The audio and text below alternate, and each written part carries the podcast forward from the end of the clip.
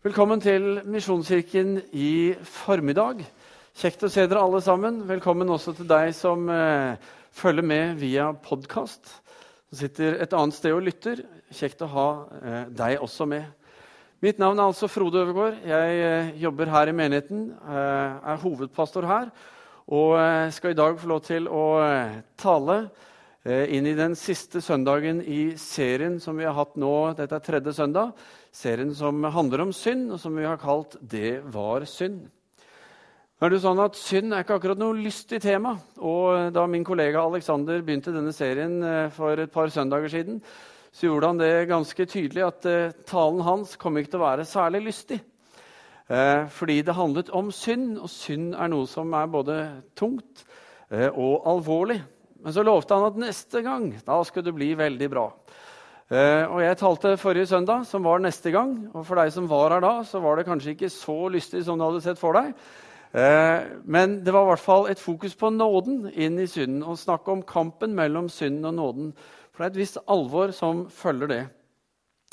Eh, og Så var det jo litt synd da, at det ikke var så lystig som det ble lovet. Forhåpentligvis blir det lystigere i dag, fordi i dag så ja, må det bli bedre, rett og slett. Må det ikke det? Synd er altså noe som er tungt og som er deprimerende fordi det har evnen til å fange oss. Det er en del av vår natur, og det er jo selvfølgelig synd at det er sånn. Synd er alvorlig fordi syndens straff, eh, syndens konsekvens, eller syndens lønn, som Paulus kaller det, det er døden. Og det er alvorlig. Eh, kanskje tenker du det er synd at det skal være sånn. Men eh, det fine er at det er en vei bort fra dette tunge, fra dette eh, som kan bli deprimerende, dette alvorlige. Og det er dagens tema. Dagens tema er 'gå bort og synd ikke mer'. Så hvis eh, det ikke blir så mye lyster i dag, så eh, er jo det synd. Eh, så får jeg ta det på min eh, kappe. Får bli, jeg får ta straffen for det etterpå. Men jeg har fantastisk gode nyheter i dag. Og det er at når vi får lov til å lære Jesus å kjenne, når vi får lov til å tro på han, så kommer vi inn i et forhold, inn i en tilstand, en tilværelse i livet hvor syndens makt er brutt. Hvor synden er overvunnet, og vi kan få lov til å synge Seieren er vår, seieren er vår, vi har vunnet, seieren er vår. Og Det er ikke så ofte vi gjør i kirka og det er synd. Men kanskje du har lyst til å være med og synge det i kirka en gang, for du vet at seieren, den er vår.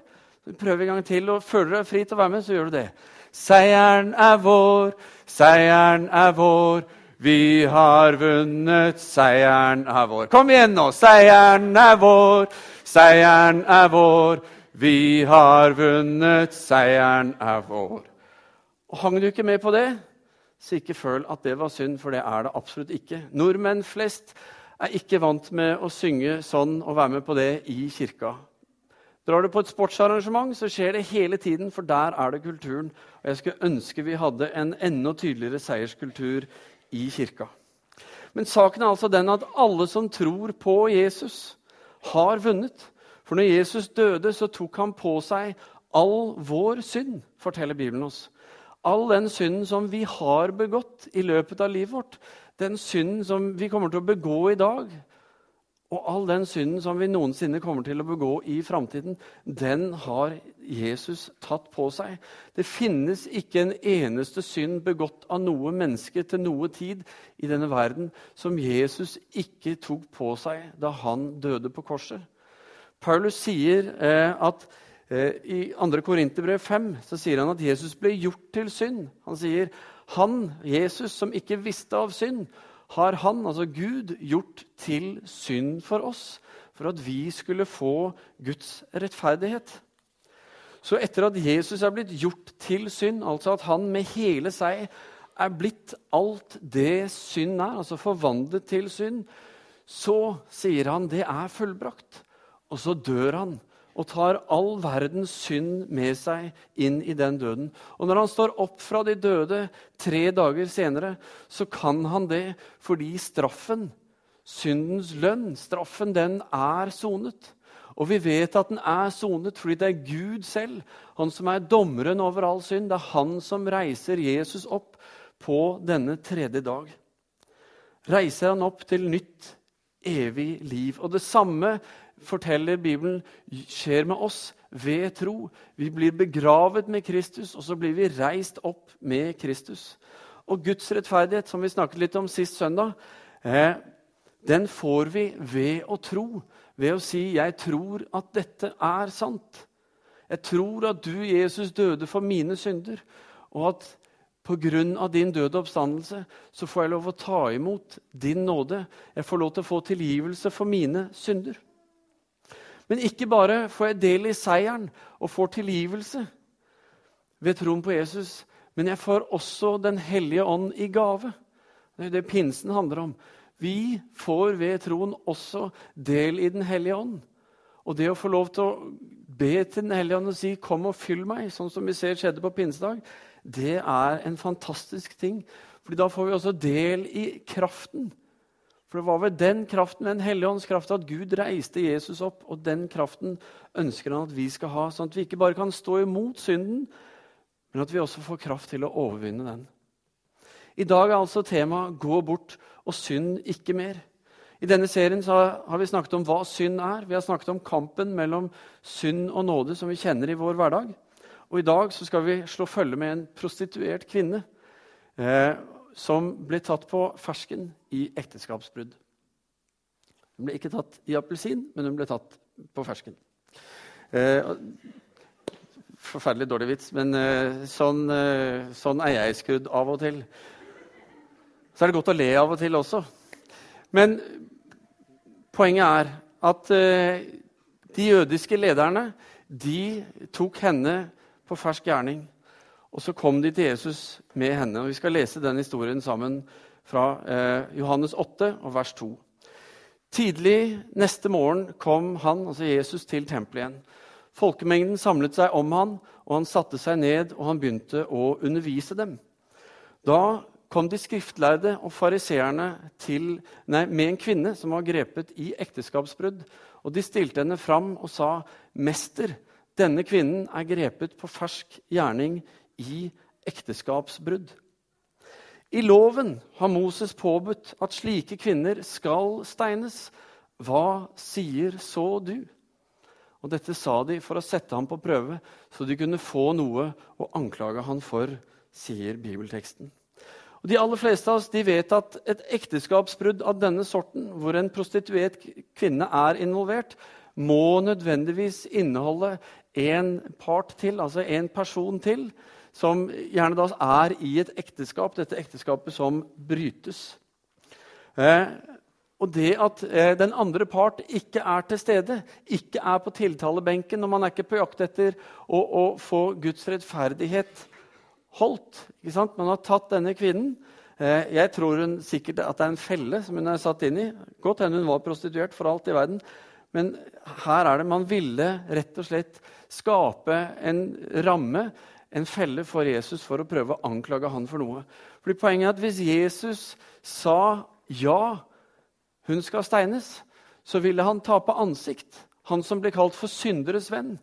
Han som møtte mennesker med nåde og sa han nei til at hun skulle steines, ja, så brøt han jo loven. Så hva ville Jesus gjøre? Vi leser videre. Jesus bøyde seg ned, og så skrev han på jorden med fingeren. Men da de fortsatte å spørre, så rettet han seg opp, og så sa han, 'Den av dere som er uten synd, kan kaste den første steinen på henne.' Og Så bøyde han seg ned igjen og skrev på jorden. Da de hørte dette, gikk de bort, den ene etter den andre, de eldste først. Til slutt var Jesus igjen alene med kvinnen som sto der. Jesus skrev på bakken med fingeren. Han skrev i støvet. Hva han skrev, ja, det vet vi ikke, for det står ikke.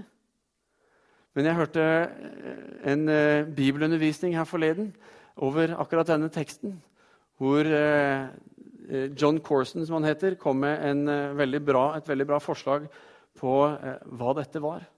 For han mener at dette er oppfyllelsen av en profeti som vi finner i Det gamle testamentet hos profeten Jeremia.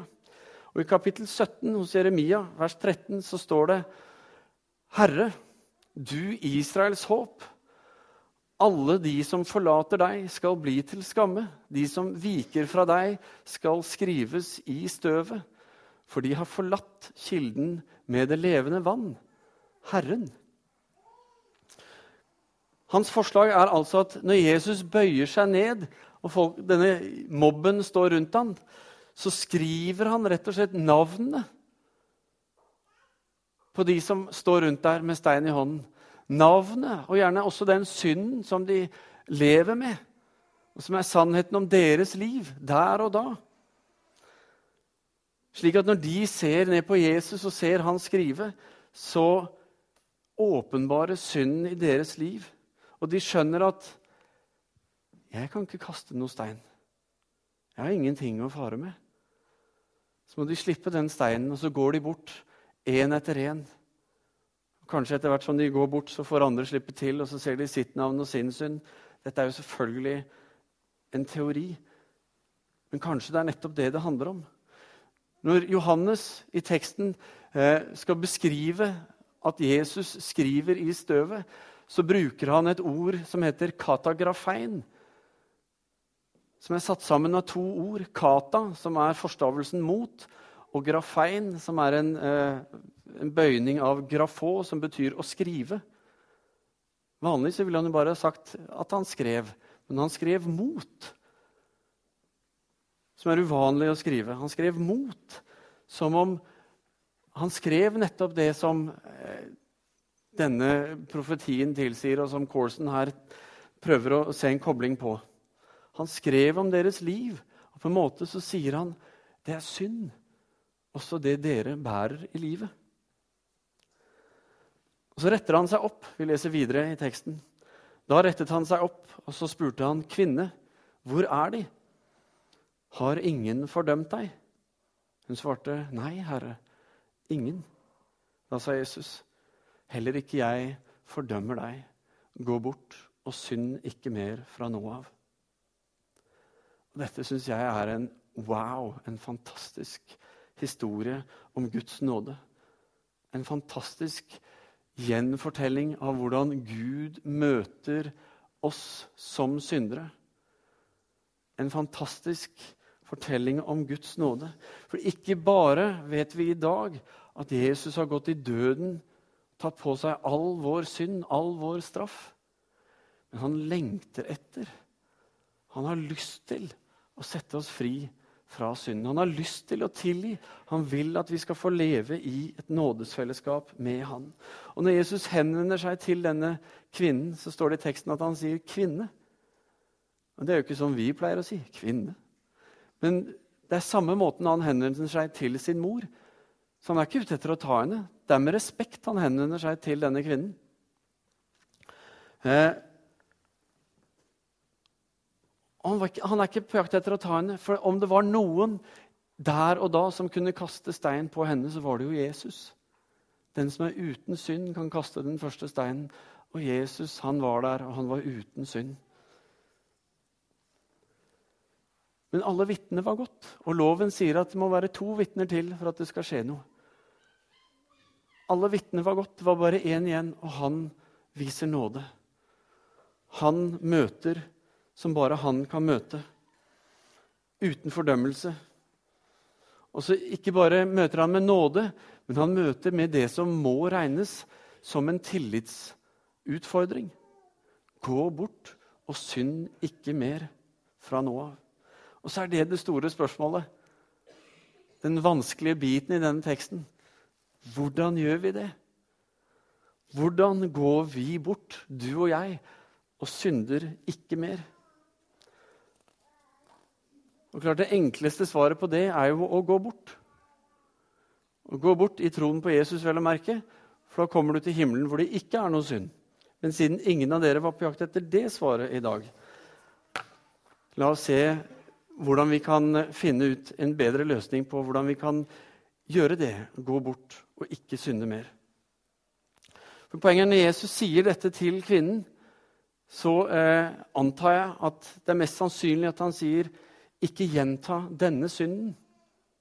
For Alternativet til det er at han sier, 'Synd aldri igjen'. Og Det er dårlig gjort å si til noen som er bundet av synden, som er i syndens natur, og som på eller annen, et eller annet tidspunkt er dømt til å synde. Enten med viten eller med uvilje, eller hva det nå blir. ikke sant? Men det er umulig, fordi vi er syndere, og det forteller Bibelen igjen og igjen. At vi kan ikke det. Men poenget var at fra denne synden som hun var blitt tatt på fersk gjerning for, den synden hadde hun fått nåde for.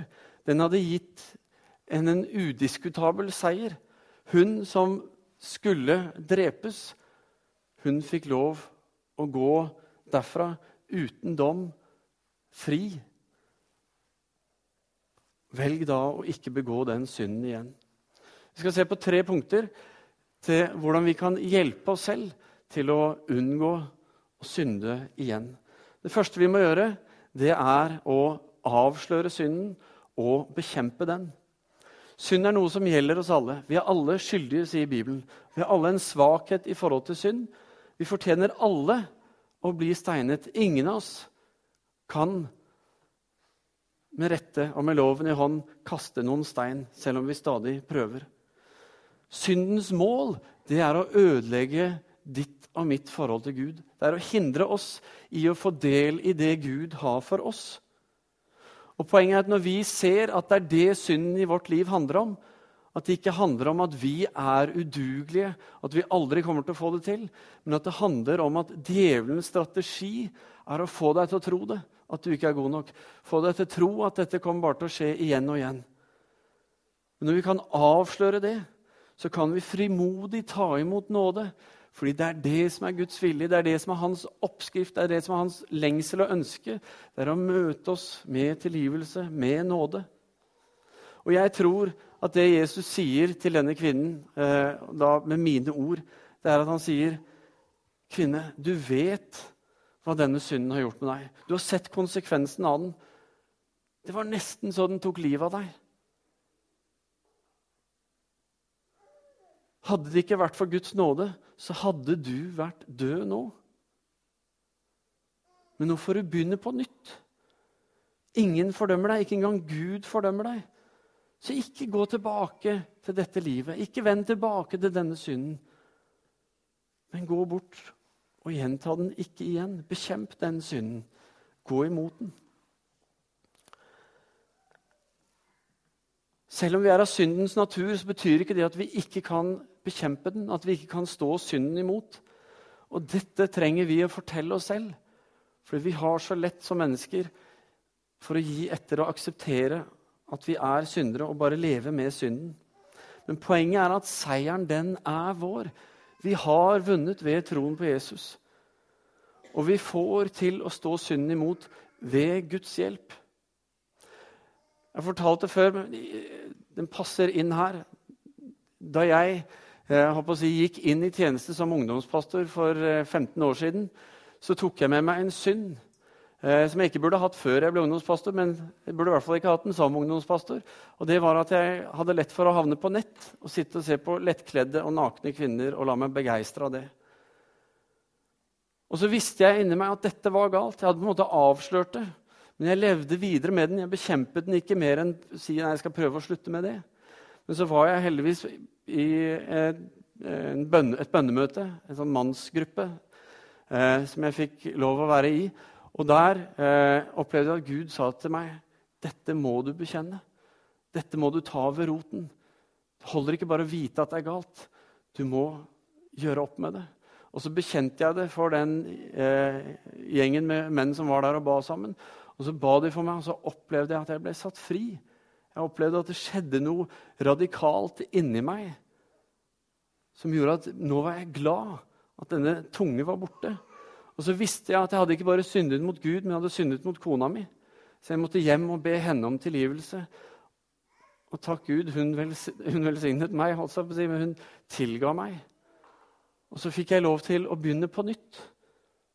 Så fikk jeg lov til å ta denne kampen. For det handler ikke bare om å identifisere synden og si at dette er galt, men gi etter for den. Det handler om å bekjempe den. Og der tror jeg det å bekjenne syndene for hverandre og stå sammen er et kjempebra kort. Avslør synden og bekjempe den. Det andre er å tro nåden og leve i den. Tro at nåden er sann, og lev i den. Nåden krever ikke at du må oppføre deg på en viss måte, at du må ha en viss kunnskap, at du må ha oppfylt en rekke ting. Nei, nåden er gratis, og vi får den ved tro. Ved å tro så blir dette gitt oss. Vi kan aldri gjøre oss fortjent til den, men vi vil alltid få den når vi ber om den, når vi tror på Jesus, når vi eh, andre ord avslører eller bekjenner våre synder og ber om tilgivelse, så vil vi få det, sier Bibelen. Og akkurat som Jesus fikk åpenbart syndene, som vi snakket om i stad, til alle disse som sto rundt, så visste han om denne kvinnens synd. Og nå var den ganske åpenbar. For det var jo ikke snakk om at det ble avverget noe justismord den dagen. Hun ble tatt på fersk gjerning, og hun ble dratt og kjempet sikkert imot og visste at nå går det ad undas. Nå kommer jeg til å bli steinet til døden. Jeg tror vi alle kan se for oss det. Så det var ikke noe hemmelighet. Et liv uten synd ber oss om å tro at nåden er sann. At nåden er, som Paulus sier det i andre Korinterbrev, eh, hvor han sier 'Min nåde er nok for deg', for kraften den fullendes i svakhet. Å akseptere sin svakhet det gjør oss avhengig av nåden, avhengig av Jesus, og få del i hans oppstandelseskraft, for det gir oss seier. For når vi ikke er avhengig av Jesus, når vi ikke søker Han, når vi ikke får det til, også når vi si, får det til, så prøver vi å være sterke i oss selv. Og det er et veldig typisk norsk. Kanskje er det typisk jærsk også. Men vi skal klare det selv. Og så blir vi avhengig av oss selv, og så hindrer det oss. Hindrer kraften i å fullendes i oss. Og jeg vet ikke hvilken anklage du opplever, men uansett hvilken anklage som djevelen kommer med, så kan du gå umiddelbart til Jesus med den. Slik at det alltid er nåden som vinner i livet ditt. Selv om du har gjort det før, gå tilbake og be om kraft. Og snakk med noen andre for å få hjelp hvis det er noe som gjentar seg. Velg nådens sannhet som din sannhet. Ikke la djevelen lure deg for du er kjøpt fri ved Jesu blod på korset. Og Derfor er det, som Paulus sier i Romerne, da er det Romerne 8, da er det ingen fordømmelse for dem som er i Kristus Jesus. For Åndens lov, som gir liv, har i Kristus Jesus gjort deg fri fra syndens og dødens lov. Så la deg ikke narre inn under dødens lov igjen, men lev ved Åndens lov som leder oss til det tredje. Elsk Jesus. Ikke elsk Jesus fordi jeg sier det, men la din kjærlighet til Jesus få lov til å være en frukt av hva han får lov til å gjøre i livet ditt. Slipp Jesus inn i livet ditt, for det forvandler livet ditt. Jeg tror kvinnen som vi har lest om i dag, elsket Jesus ganske høyt etter det hun opplevde. Noen har hevdet at eh, historien fra Lukas 7 om denne eh, kvinnen som var prostituert, og som oppsøkte Jesus da han var på besøk hos eh, fariseeren Simon, at dette var den samme kvinnen, det vet vi ikke. Men der får vi i hvert fall se eh, hva som skjer når nåden får komme inn og forvandle. For der ser vi en kvinne som bare velger å gå inn der hvor hun ikke har lov til å gå. Og Så kneler hun ned ved Jesu føtter og gråter og kysser føttene hans. Og så begynner hun å vaske føttene hans med sine egne tårer. Og så tørker hun av føttene med sitt eget hår, står det. Og fortsetter å kysse disse bena hans. Og så har hun med seg en kostbar og flott salve som hun salver føttene til Jesus med. Og alt dette gjør hun i takknemlighet for hva han har gjort i hennes liv. Og Jesus sier om henne, i Lukas 7 sier han, hennes mange synder er tilgitt. Derfor datt jeg ut. Derfor har hun vist så stor kjærlighet. Men den som får lite tilgitt, elsker lite. Jo mer helhjertet vi gir oss til Jesus i tro, jo større kjærlighet vil vi også få til han, fordi han får lov til å vise oss hvem han er. Han får lov til å håndtere alt dette som er tungt og vanskelig, som vi ikke trives med. Og jo mer helhjertet vi lever i tro på Jesus, jo mindre vil også synden få plass i våre liv. Og vi vil kunne ta oppgjør med mang en synd og leve fri fra det. Ikke uten fristelse, men fri fra det når vi velger å stå fortsatt imot. Jesus levde 100% avhengig av sin far i himmelen. Han sier det i Johannes 5.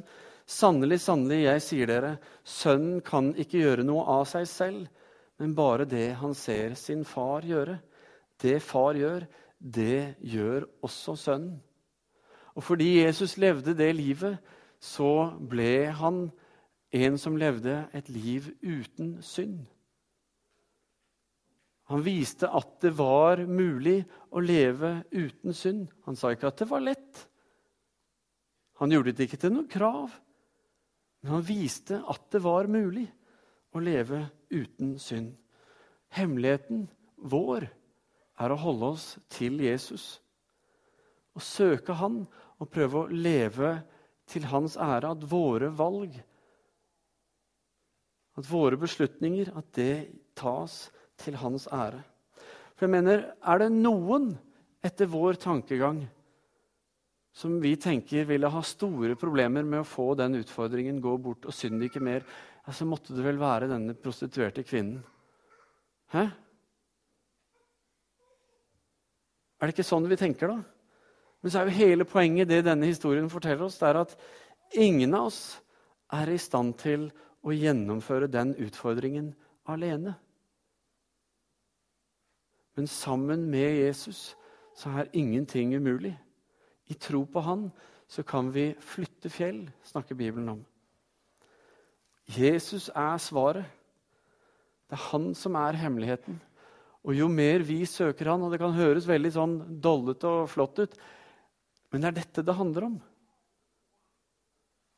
Prøve å tilrettelegge i vår hverdag, om så bare er fem minutter mer med Jesus en dag så er det en begynnelse. Fordi han er kilden av levende vann. Og de som har forlatt han, de ble jo skrevet i støvet, snakket Jeremia om. Og så sier Jesus bare noen få vers før vi leser om denne kvinnen. Så sier han i Johannes 7, 38, og der skal vi avslutte, sier han Den som tror på meg, fra hans indre skal det, som Skriften sier, renne Ikke dryppe, men det skal renne elver av levende vann. Og I Johannes 5 sier Jesus, 'Jeg er det levende vann'.